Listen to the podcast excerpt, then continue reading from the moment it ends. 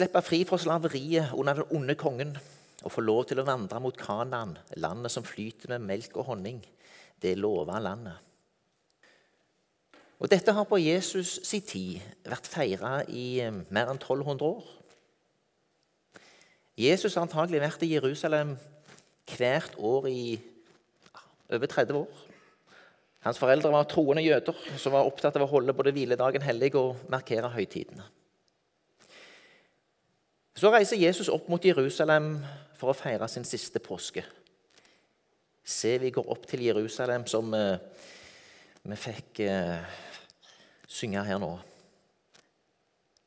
Han vet hva som skal skje. Han skal nå sjøl bli påskelammet, hvor hans blod skal bli til utfrielse ikke bare for Israels folk, men for alle folkeslag. I Bibelens første bok så har vi den hjerteskjærende fortellingen om Abraham, som har venta så lenge på å få sin kjære sønn, og som så blir bedt om å ofre denne sønnen. Og han er villig til å gjøre det. For Gud hadde sagt det. Abraham trodde Gud, stolte på Gud, selv i de villeste situasjoner. Og når sønnen Isak spør her er ilden og veden, men hvor er lammet som vi skal ofre, far? Da sier Abraham, Gud vil nok sjøl se seg ut et offerlam, gutten min. Utsagnet om at Gud vil nok sjøl se seg ut et offerlam, blir nå 1700 år seinere en realitet. Gud har sett seg ut et offerlam, sin egen sønn. Abraham slapp, men Gud slapp ikke. Du slapp, men Jesus slapp ikke.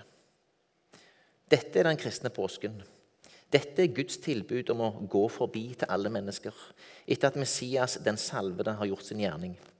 Og Dette har Gud bygd opp en plan for, en historie om, gjennom 1800 års vandring med Abraham og hans etterkommere.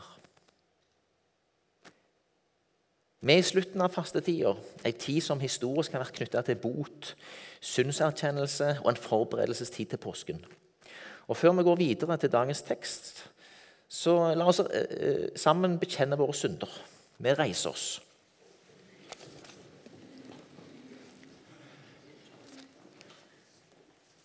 Hellige Gud, himmelske Far, se i nåde til meg, syndige mennesker som har krenket deg med tanker, ord og gjerninger, og kjenn lysten til det onde i mitt hjerte.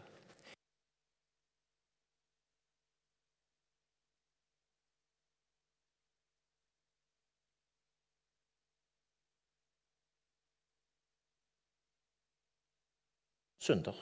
Men dersom vi bekjenner våre synder, er Han trofast og rettferdig, så Han tilgir oss syndene og renser oss for all urett. Vær så god, sitt.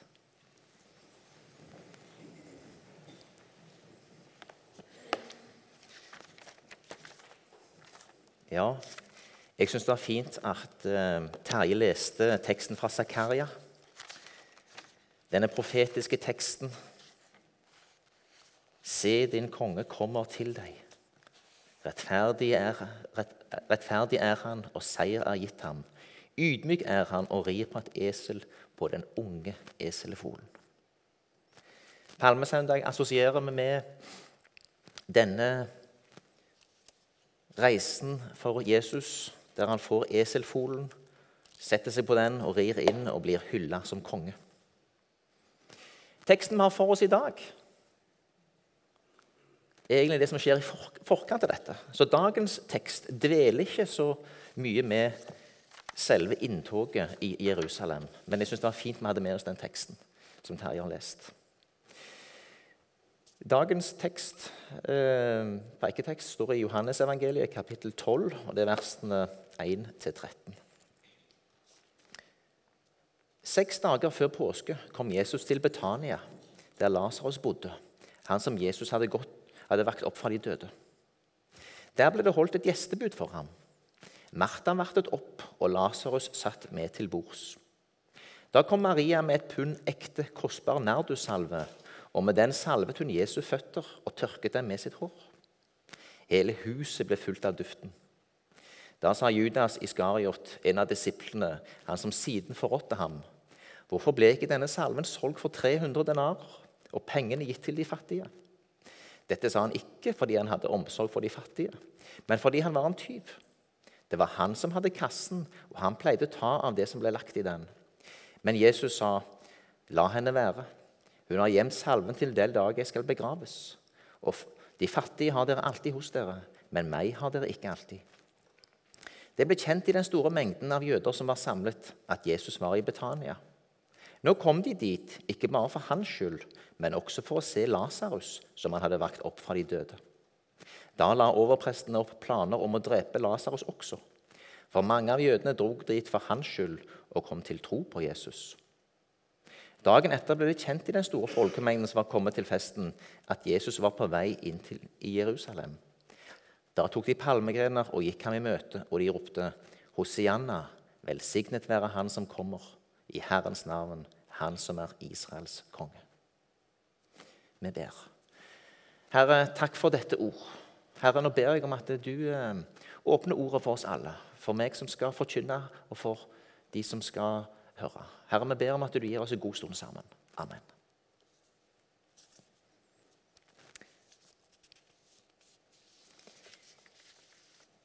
I eh, det forrige kapitlet, i kapittel 11 i Johannes evangeliet, så har vi eh, fortelling om Johannes, eh, Jesus som vekker opp Lasarus fra de døde. Og Etter dette så har Jesus vært en tur i Efraim, en by nordøst for Jerusalem. Og imens så begynner ting å bygge seg opp i Jerusalem. Det religiøse establishment kjenner seg trua. Fariseerne legger nå konkrete planer om å få Jesus drept. Som vi leser i uh, kapittel 11. Hva skal vi gjøre? Denne mannen gjør mange tegn. Lar vi ham holde på slik, vil snart alle tro på ham.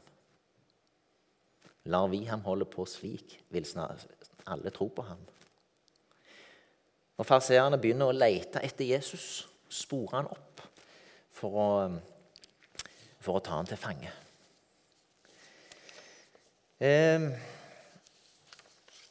Så nå nærmer oss, nå nærmer oss eh, at dramaet kulminerer.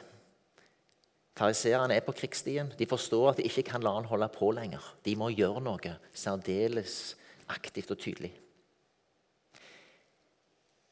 Kraften som Jesus hadde med seg, det han forkynte, det hadde trukket folk til ham. Store mengder eh, kom både for å høre hans tale og for å se eh, de under han gjorde. Og sånn har det vel vært seinere òg. Det har vært en miks av at ordet forkynnes, og at uh, det er kraft i evangeliet, og det er kraft i de kristne som gjør at det har fulgt helbredelse, tegn og under med alltid. Så kan man si noen er ute etter sensasjonen. Eh, og andre søker ordet av andre grunner. Men uansett så trekkes de mot Jesus.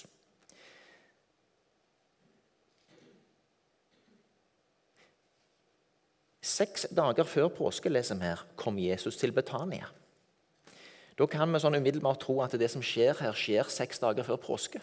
Men vi har to tekster til, en i Markus 26, nei, Matteus 26 og en i Markus 14, der det står at eh, det som skjedde her, det skjedde to dager før påske. Så er det jo da ingen motsetning her, fordi Jesus kom nok til Betania, der Lasarus bodde, seks dager før påske. Og I vers 2 så ser vi det ble holdt et gjestebud for ham. Men det står ikke at det gjestebudet var seks dager før påske. Det var antagelig to dager før påske. Og så kan vi jo fort tro når vi leser denne teksten, at gjestebudet skjedde hjemme hos Martha og Maria. Men i Matteus og i Markus står det at det var hos Simon den spedalske. Og det syns jo jeg virker logisk, da, altså at Martha allikevel varte opp. For hvis jeg hadde vært Simon den spedalske, og i alle fall hvis Martha hadde fått vite det i venneflokken at Nå skulle Simon ha eh, et selskap.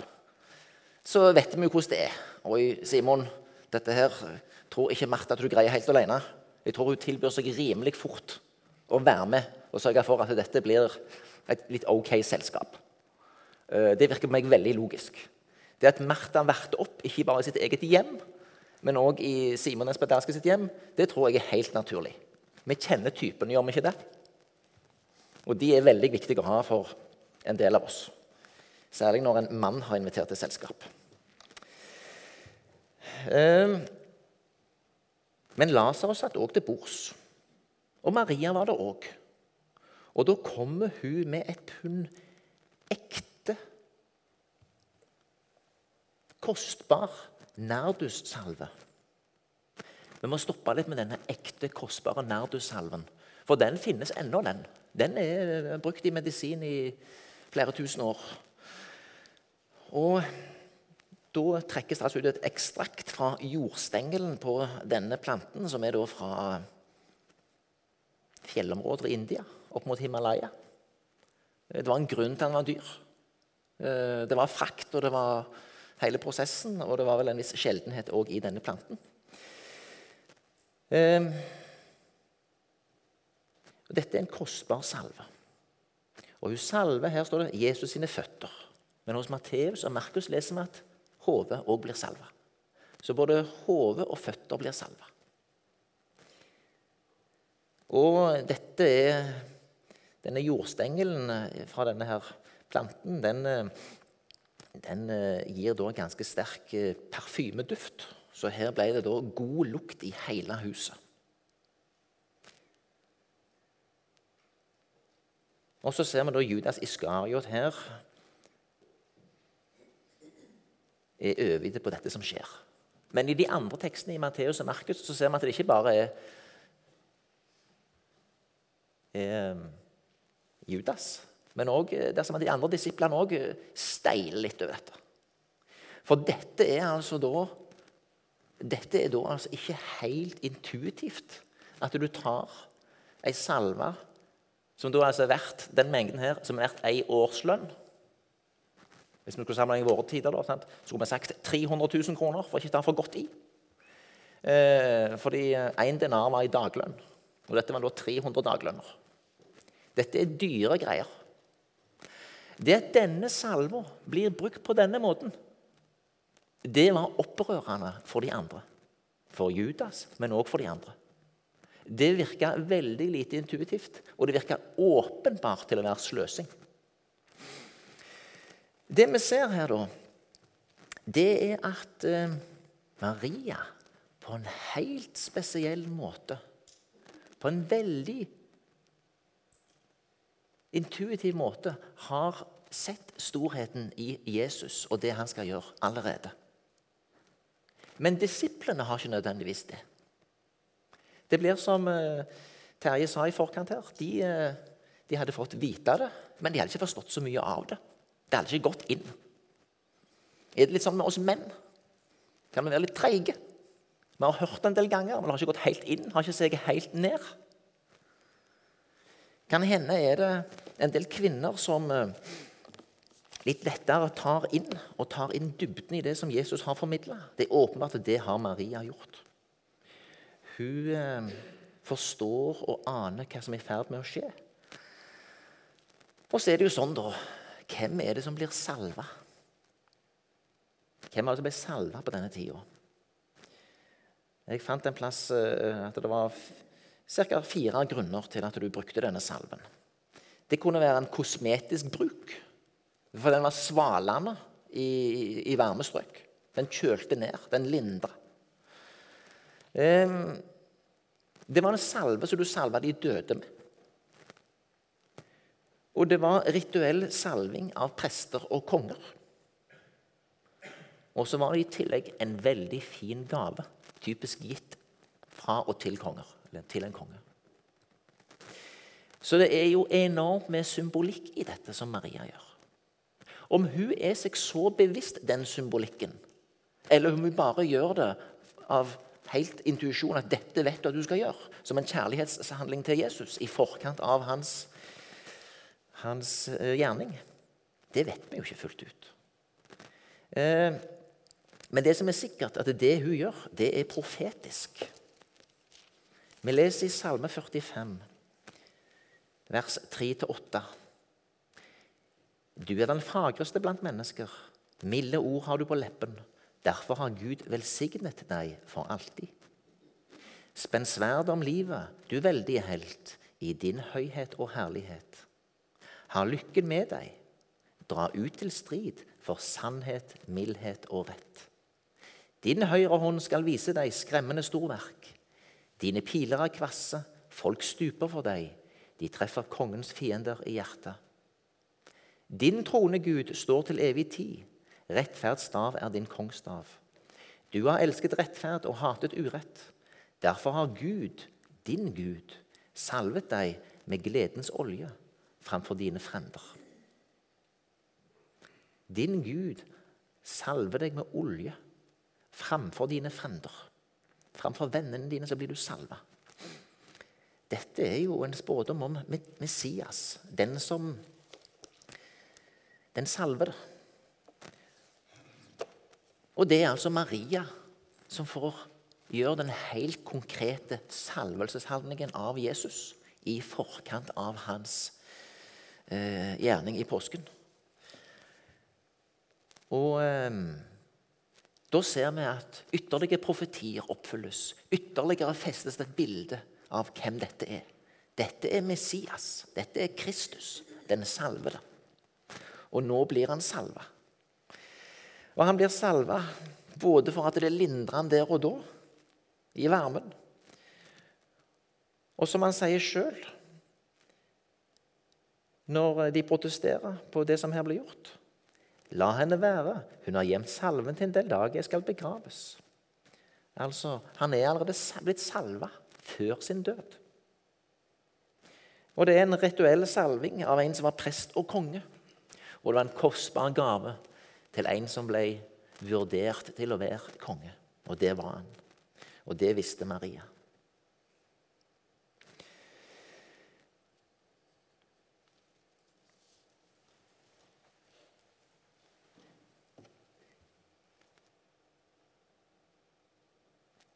Det ble kjent i den store mengden av jøder som var samlet, at Jesus var i Betania.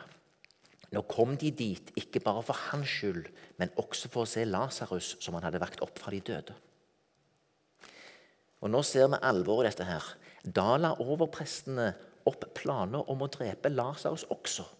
For mange av jødene drog dit for hans skyld og kom til tro på Jesus. Nå ser vi tydelig ondskapen i det hele. Det er ikke nok bare med Jesus. Eh, vi må i tillegg ta Lasarus og, og trykke ned alle de tegn og alle de vitner som måtte være om Jesus. Så dette er innledningen av kristenforfølgelsen. Vi ser det allerede i forkant. At den onde og det onde har gått i eh, de skriftlærde, i det religiøse establishment, de som ble utfordra, maktposisjoner de ble utfordra. Dette er et veldig alvor i. For det ser vi veldig mange ganger at um, noe av det verste som kan skje, det er når noen får makt. Og hvis du får makt i det religiøse establishment og har Gud på laget, så er det knapt grenser for hva noen kan finne på. Dette alvoret gjelder òg de kristne forsamlinger i dag. Derfor skal vi være på vakt mot dette. Maktmisbruk i alle former vil det oppstå til alle tider, der, der makt og innflytelse utøves. Dette må vi ha med oss. Dette må vi reise oss opp mot. Det er en kristen manns plikt og en kristen kvinnes plikt å avsløre misbruk av makt. Det må eh, det aldri være tvil om. Og Vi ser altså at det begynner her med fariserene som vil gjøre hva de kan for å kneble sannheten og holde sannheten nede. Og Så står det så fint videre. da. Dagen etter ble det kjent i den store folkemengden at Jesus var på vei inn i Jerusalem. Da tok de palmegrener og gikk ham i møte, og de ropte Hosianna, velsignet være Han som kommer. I Herrens navn, Han som er Israels konge. Har de forstått at det er Messias som kom, kommer? En del av de hadde nok den anelsen. De, eh, de hyller ham. som kongen som skal komme. De har helt bestemte forventninger til ham. Og dette er litt spennende. Dette er jo et folk, Israels folk, jødefolket, som hadde forventninger om en som skulle komme. Han skulle komme og utfri dem. Vi har jo på mange måter den samme forventning som vi kan lese i Johannes' åpenbaring i de siste, siste versene der.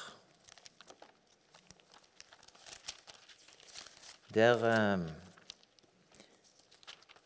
der vi får se noe av denne forventningen.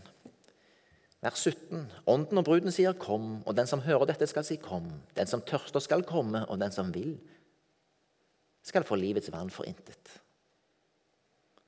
Og på slutten Han som gir dette vitnesbyrd, sier, 'Ja, jeg kommer snart.' Amen. Kom, Herre Jesus. Vi har en lignende forventning som jødene hadde den gang. Vi sier, 'Kom, Herre Jesus. Kom.' Det kan være 'komme inn i mitt liv nå, der jeg er'. Det kan være 'kom tilbake og utfri oss fra denne verden' så er det sånn at det er slik at Gud drøyer med å avslutte denne tid. Hvorfor gjør han det? Ja, han har drøya fordi at alle folkeslag skal få høre det. Vi fikk høre det for 1000 år siden. Nå ble vi altså invitert ned fredag 26. april i ei ei kirke som har stått der i 700-800 år. Tydelig bevis på eh, at vi i dette landet tidlig fikk evangeliet. Vi kan altså som eh, jødene på den tida ha forventninger til han som skal komme, fordi vi har kjent han lenge. Vi har hørt om han lenge. Men han drøyer fordi det er flere som skal høre. Og den bevegelsen som eh, vi er en del av Norsk Luthersk Misjonssamband. Har i eh, snart 130 år gått videre med dette budskapet til de som kanskje ikke engang har forventninger, som ikke har noe håp. Jødene hadde håp. Vi som er kristne, har håp. Men det er mange som ikke har det håpet. De vet ikke engang hva de skal håpe på. De vet ikke at det er en som har utfridd dem, en som de kan ha forventninger til. Japan et av misjonslandene våre. Et land som det har vært særdeles vanskelig å feste det kristne håpet i. Eh, jeg oppfordrer dere til å be for Japan. Be om at eh, Guds ånd må slå ned der òg. Og kunne utfri dette folket og gi dette folket nye forventninger, nye håp. Eh, I Romerbrevet kapittel 10 så har vi noen fine vers som jeg lurer på om vi kan få på skjermen.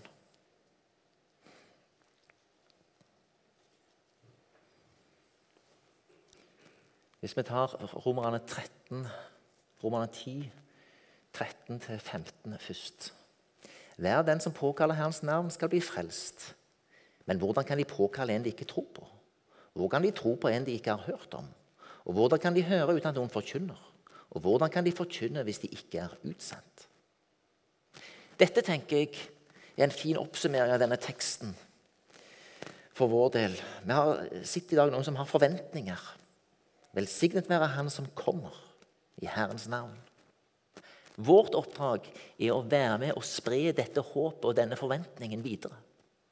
Slik at flere kan lengte etter Herren og finne Han og øh, vente Han tilbake. Hvis vi tar den neste komprimerte teksten av dette. La oss si dette sammen. Nå sier jeg det en gang, og så sier vi det sammen. Hvordan kan de tro på en de ikke har hørt om? Og hvordan kan de høre uten at noen forkynner? Og hvordan kan de forkynne hvis de ikke er utsendt? For dette tenker jeg er litt kjernen i oppdraget som vi står i i NLM. Så vi sier det høyt sammen. Hvordan kan de tro på en de ikke har hørt om? Og hvordan kan de høre uten at noen forkynner? Og hvordan kan de forkynne hvis de ikke er utsendt? Dette er det spørsmålet som eh, Paulus stiller. Dette spørsmålet stiller vi til hverandre. Og Enten det er Gideon eller Norsk Luthers Misjonssamband, så prøver vi å gi svar på det. Vi prøver å eh, nå videre ut med dette. Dette håpsbudskap som begynte for så lenge siden, rett etter syndefallet, så har Gud en plan. Han innvier Abraham i planen, og Abraham er en særdeles trofast, lydig eh, tjener. Som er et stort forbilde for oss alle. Og Han utfolder sin plan over 1800 år til Jesus kommer. Og så har vi nå fått sett i 2000 år Gud utfolde denne planen videre. Det er Gud som har utfolda dette gjennom mennesker som har vært villige til å gå på hans veier. Enten de heter Augustin eller Ambrosius eller biskop Sveinald fra England eller det er Luther eller det er noen av de som vi kjenner i vår nære misjonshistorie.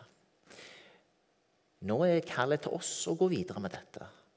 Dette er budskap som eh, vi får grunne særlig på i påsken, men som gjelder ikke bare oss, men alle folkeslag og din nabo og din kollega og vennene rundt oss. Så jeg sier takk til Gideon, som holder på med det store arbeidet de gjør. Og jeg eh, sier takk til dere som er trofaste misjonsvenner. Og jeg eh, ønsker bare å ønske dere alle en god påske, og velkommen igjen i salen.